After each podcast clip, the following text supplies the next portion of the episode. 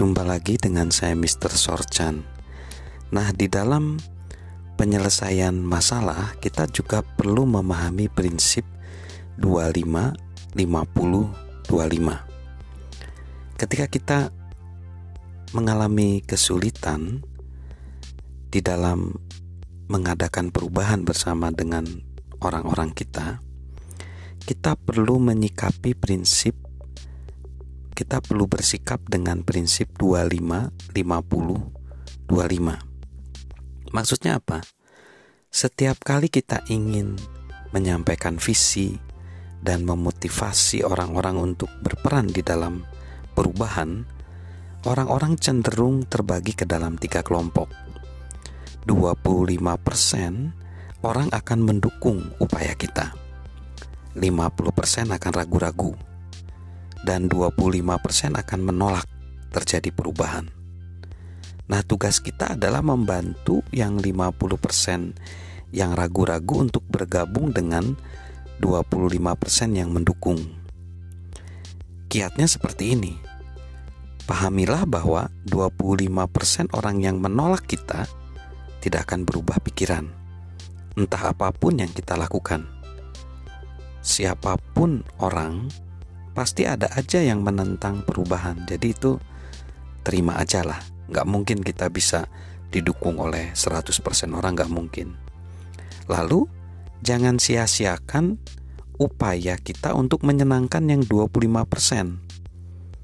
Jangan sia-siakan upaya kita untuk lebih berfokus kepada yang 25% supaya mereka menyenangkan kita. Karena apa? Yang 25% yang menolak kita itu tidak akan mengubah keputusannya. Jadi, berusahalah untuk berdamai dengan mereka. Hanya berusaha untuk berdamai dengan mereka hanya akan menguatkan penolakan. Jadi nggak perlu. Lalu, jangan memberikan panggung atau kredibilitas kepada 25% orang yang menolak kita. Jika kita yakin sudah bertindak benar, untuk apa kita membantu mereka yang akan merusakannya? Lalu, berupayalah menjauhkan 25% orang yang menolak terhadap 50% yang masih ragu-ragu. Ingat perkataan manajer bisbol Casey Stengel.